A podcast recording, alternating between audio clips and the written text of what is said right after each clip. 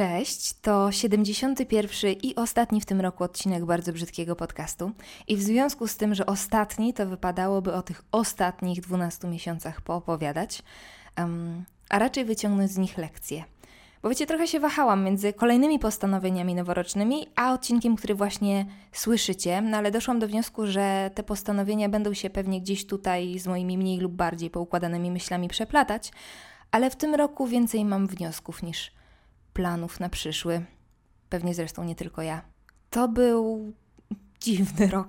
Z jednej strony odnoszę wrażenie, że upłynął mi w ciągu jednego mrugnięcia okiem. Wiecie, są takie memy, że ktoś mruga raz i nagle z marca robi się grudzień. Miałam dokładnie tak samo. A z drugiej strony wydarzyło się w tym roku tyle, że mogłabym, mogłabym spokojnie obczęstować tymi wydarzeniami ze trzy lata. Bo w tym roku wydarzyło się najwięcej chyba w moim życiu. Dlatego jakoś dziwnie mi o nim mówić. Um, Mam takie porównanie, nawet sobie zapisałam przed nagraniem tego odcinka, że ten rok był, jakby mi się to wszystko przyśniło. Wiecie, taka dziwna, niespójna seria zdarzeń, y, którą w zasadzie nie umiesz podsumować w dwóch zdaniach ani wysnuć jednoznacznych wniosków. Nic tu się kupy nie trzyma. W jednym roku zdążyłam spędzić dwa tygodnie w Afryce, wydać książkę, zaręczyć się, przeprowadzić, rzucić pracę w agencji, rozsypać i poskładać na nowo psychicznie, totalnie wywrócić moje życie do góry nogami. Istny roller coaster i to wszystko jeszcze było przerwane mniej więcej w połowie lockdownem, czyli generalnie scenariuszem, który wyobrażałam sobie tylko i wyłącznie dlatego, że obejrzałam kilka filmów o tematyce postapo. Ale wydaje mi się, że pomimo tych fajerwerków, to właśnie to ostatnie wydarzenie, ten lockdown, ta taka wszechogarniająca, niepokojąca cisza, wydaje mi się, że to właśnie to odpowiada za salto w mojej głowie. Kiedy myślę o tym roku, to chyba taką pierwszą rzeczą, nad którą się zastanawiam, to to, jak bardzo odbije się na nas bliskiej i dalekiej przyszłości. Wiecie, jak to się odbije na naszych głowach, bo życie dosłownie wszystkim wywróciło się do góry nogami. Nagle internet stał się cenny jak powietrze, właściwie to zupełnie przenieśliśmy się do niego z życiem. Z mieszkań porobiliśmy schrony wzmacniane zgrzebkami papieru toaletowego. Oczywiście tutaj żartuję. Ze smutnych elementów, których było od zarąbania. Wielu z nas straciło pracę albo narażało i wciąż naraża w niej zdrowie. Wielu z nas, jeśli nie wszyscy, na jakimś etapie poczuło pierwszy raz w życiu, czym jest prawdziwa samotność. I powiem Wam, że ręce sobie nam uciąć, że to w nas zostanie, że tak naprawdę będziemy już zupełnie innymi ludźmi. Trudny rok, trudny rok w ogóle dla ludzkości. Jeżeli na chwilę odkleimy się od własnego ja i potraktujemy ludzi jako jeden organizm, a coraz częściej zaczynam tak o nas myśleć, to, to w tym organizmie wydarzyło się w tym roku coś przełomowego. I chyba właśnie dlatego, że coraz częściej porzucam traktowanie siebie jako głównego bohatera mojego filmu na rzecz myślenia o ludziach jako o jedności, to powiem Wam, że mam niemały, niemały problem z interpretacją tego roku z własnej perspektywy, bo z własnej perspektywy mogę śmiało powiedzieć, że jestem szczęściarą, tak? Bo ten rok no właśnie, to jest w ogóle rzecz, nad którą dyskutowaliśmy już na moim Instagramie, że istnieje taki, mm, taki dyskomfort, jakaś taka bariera w publicznym mówieniu o tym, że 2020 rok był rokiem dobrym, bo dla mnie był dobry, był cholernie trudny. Nie mogę powiedzieć, cytując klasyka, wspaniały to był rok, nie zapomnę go nigdy. Wiecie, jest taki stary filmik na YouTubie, jak kobieta pyta już na moje oko trochę wciętego gościa na balu sylwestrowym, jaki był dla pana rok 96 i czego sobie pan życzy w 97. I on odpowiada właśnie, że to był wspaniały rok. A ja nie mam takiego przekonania, bo tak naprawdę, jak już wspominałam, zaliczyłam prawdziwy roller coaster, ale jednak te górki i dołki zrobiły ze mnie trochę innego człowieka. Już wydaje mi się, że już nie jestem tą samą igą. W tym roku czuję to bardzo, bardzo wyraźnie. I zmiana jest dosyć specyficzna, bo ja wcale nie czuję się silniejsza ani twardsza, wcale nie mądrzejsza, ale zmienił mnie w takiego człowieka, który znalazł wreszcie w tej kwarantannowej ciszy e, całe hektolitry wewnętrznego spokoju, wiecie? Nagle okazało się, że moja głowa to jest idealne schronienie, że mam tam wszystko, czego potrzebuję, a przez większość mojego życia to właśnie głowa była dla mnie przeszkodą, jakimś y, sabotażystą, jakąś kulą u nogi. Brzmi jak nawiedzona, wiem, i wiem, że w życiu wam tego nie wytłumaczę, bo mądrzy ludzie piszą na ten temat mądre książki, a jestem tylko jakąś murweczką, ale ten mój nowy związek z samą sobą, albo kolejny etap związku, który trwa już 30 lat, jest dla mnie gigantycznym przełomem. Oczywiście, tak jak już wspominałam w jakimś odcinku, za ten stan rzeczy jednak odpowiada jakieś moje uprzy... uprzy... Trudne słowo, już trzeci raz chyba nagrywam to zdanie. Uprzywilejowanie, o, w tej określonej sytuacji. Po prostu znalazłam taki moment w życiu, kiedy mogłam odrobinę zwolnić. Wiem, że nie każdy może sobie na to teraz pozwolić, ale wiem, że te narzędzia posłużą mi w czasie gonitwy, która na pewno nieraz jeszcze w moim świecie zagości. Odkryłam też aktywność fizyczną, y, w którą uciekłam dosyć hardkorowo w czasie twardego lockdownu i bardzo dużo Wam o niej opowiadałam i wychwalałam ją pod niebiosy. Ale teraz chwila szczerości. Wczoraj w ogóle prowadziłam live'a na Instagramie i ludzie mnie pytali, czy ćwiczysz, jak ćwiczysz i tak dalej. Mm, no i ja wtedy odpowiedziałam wymijająco, że opowiem o tym w dzisiejszym odcinku, więc mam nadzieję, że osoby pytające teraz mnie słuchają. I, i powiem Wam, że tutaj kupa pracy przede mną i nie chodzi o pracę nad ciałem, mm, to ostatnią trochę odpuściłam w ostatnim czasie. Chodzi mi o pracę nad głową w tym zakresie, bo mm, mam tendencję do wpadania w skrajności. Mam bardzo mm, adyktywną osobowość i cały czas muszę uważać, żeby nie przegiąć, a z ćwiczeniami trochę przeginałam, jeżeli mam być z Wami taka totalnie szczera. Mm, to jest temat na oddzielny odcinek, na który jeszcze nie jestem gotowa, ale istnieje u mnie. Nie mówię, że to jest reguła, mówię tylko o swoim przypadku, tak? I istnieje mm, bardzo cienka granica między zdrową zajawką a obsesją. I akurat w czasie, kiedy potrzebowałam ucieczki, trochę za tę zdrową granicę się wychylałam niebezpiecznie. E, po prostu tak mam. Wcale nie oznacza to, że hardkorowy wysiłek jest niezdrowy, jeżeli jesteś dobrze do niego przygotowany. Niektórzy to lubią i to jest ok, e, ale w momencie, kiedy tracę panowanie nad określeniem własnych limitów, to robię wtedy dwa kroki wstecz i mówię stop. Dlatego też nie uważam na przykład, y, że trener czy jakieś zorganizowane zajęcia w lepszych czasach oczywiście byłyby dla mnie złą rzeczą, bo miałabym jakieś ścisłe ramy, tak? Niemniej pomijając moją krzywą konstrukcję psychiczną, nie wiem w ogóle po co Wam tutaj opowiedziałam o tym wszystkim, wciąż upieram się, że aktywność fizyczna jakakolwiek jest cudownością, do której wrócę już niebawem, ale z nieco innym nastawieniem. Wracając trochę do tej mojej pracy nad głową, to wyhodowałam oprócz spokoju coś jeszcze, coś, co z tym spokojem jest ściśle e, związane i jest to wdzięczność. O wdzięczności mówiłam już niejednokrotnie, ale czuję, że czuję, że nareszcie stała się takim moim nawykiem.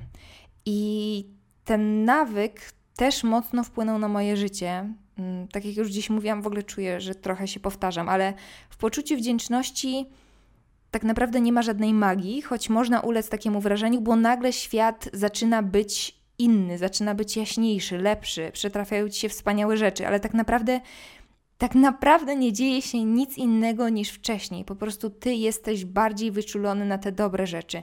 Ćwiczenie poczucia wdzięczności pozwala na lepsze dostrzeganie całej tej dobroci, która na nas codziennie spływa.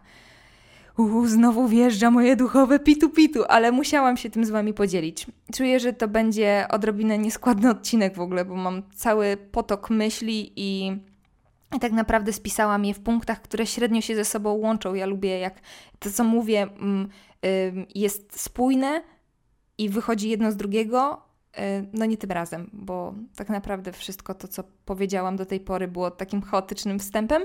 A teraz w zasadzie jest klub programu, czyli te moje wnioski, ta moja zbiorcza lekcja numer 2020.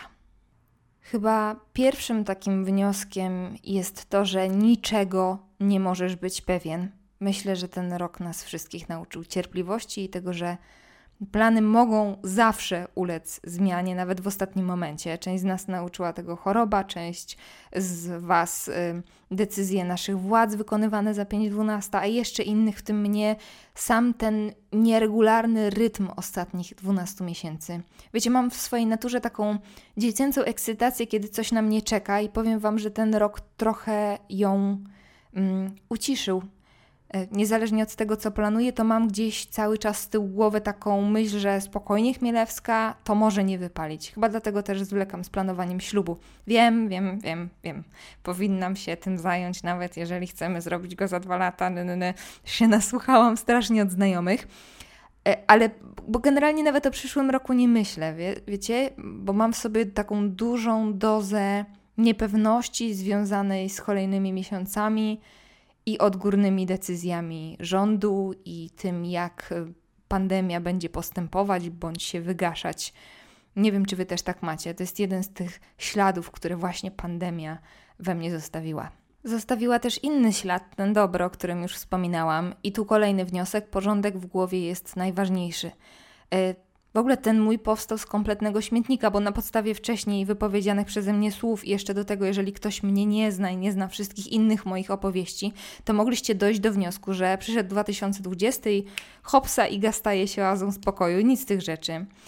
Ten mój spokój wyrósł na Zastanawiam się teraz nad słowem, które mam w głowie, czy nie będzie to mm, wyolbrzymione określenie, ale wydaje mi się, że nie. On powstał na totalnej ruinie, do której doprowadziło kilka zdarzeń i nieustanny, wyniszczający stres i lęk, który był domeną pierwszej połowy roku. Pewnie to nie jest sytuacja tylko moja, bo większość z nas po prostu podupadła na zdrowiu psychicznym przez tą izolację.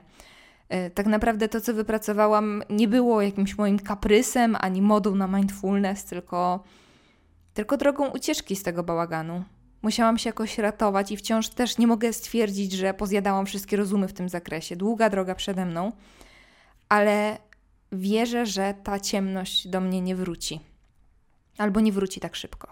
Z nieco bardziej przyziemnych odkryć to podczas tych lockdownów, ale też podczas, ze względu na moją obecną sytuację życiową, czyli e, własną działalność prowadzoną z mieszkania, zaczęłam bardzo szanować przestrzeń, w której żyję. I oczywiście może to wynikać z faktu, że przeprowadziliśmy się wreszcie do własnego mieszkania, takiego własnego, własnego. E, co tu dużo gadać, wije gniazdo i odkrywam jak odpowiedni porządek przedmiotów sprzyja myśleniu i dobremu samopoczuciu? Porządek nie mylić z absolutnym brakiem bałaganu. Nie zapominajmy, że jestem człowiekiem tornado, mm, ale dopiero w tym mieszkaniu czuję, że mam takie, takie własne miejsce, własne strefy, strefę pracy, strefę odpoczynku. Całą masę roślin jest dokładnie tak, jak sobie wymarzyłam, jak sobie marzyłam w tych wszystkich ciasnych pokojach i zimnych kamienicach. Najpiękniejsze uczucie na świecie. Um, jednym z takich Przeskoczyłam w tym momencie na kolejny wniosek, przepraszam, nie zrobiłam kropki. E, ale kolejnym bardzo ważnym wnioskiem dla mnie jest to, jak ważni są dla mnie ludzie. Bo zawsze mi się wydawało, że jestem typem samotnika, ale jak życie skazało mnie na prawdziwą samotność w czterech ścianach, wtedy przekonałam się o tym, jak bardzo potrzebuję ludzi, jak bardzo, jak bardzo za nimi tęsknię i przede wszystkim jak bardzo potrzebuję ich do tego, żeby tworzyć, żeby w ogóle myśleć kreatywnie. Czysta tęsknota, dlatego teraz każda możliwość spotkania się ze znajomymi, z drugim człowiekiem, e, wciąż, wciąż bardzo reglamentowana, mm, to jest dla mnie prawdziwe święto. Taka, wiecie, podjarka, że sobie zapisuję tę datę w kalendarzu i jeszcze ozdabiam serduszkiem. Tak robię, tak w dalszym ciągu nie wyrosłam z tego. To jest dla mnie szczególny dzień, kiedy mogę się z kimś spotkać kompletnie zmieniło się moje nastawienie do drugiego człowieka, bo stałam się po prostu otwarta, nawet na osoby, które nie są do końca z mojego świata. Chcę słuchać, chcę patrzeć w oczy i czerpać ze wspólnych chwil. Dlatego nawet sobie nie wyobrażacie, jak czekam na wiosnę, na otwarte kawiarnie i te piękne twarze, na które będę mogła patrzeć. Kolejny wniosek podpisałam sobie zdaniem zdrówka, zdrówka, jeszcze raz zdrówka. No tak, bo w sumie ta fraza, która zawsze y, jest wypowiadana głównie przez nasze babcie i ciocie, nabrała nowego sensu, prawda?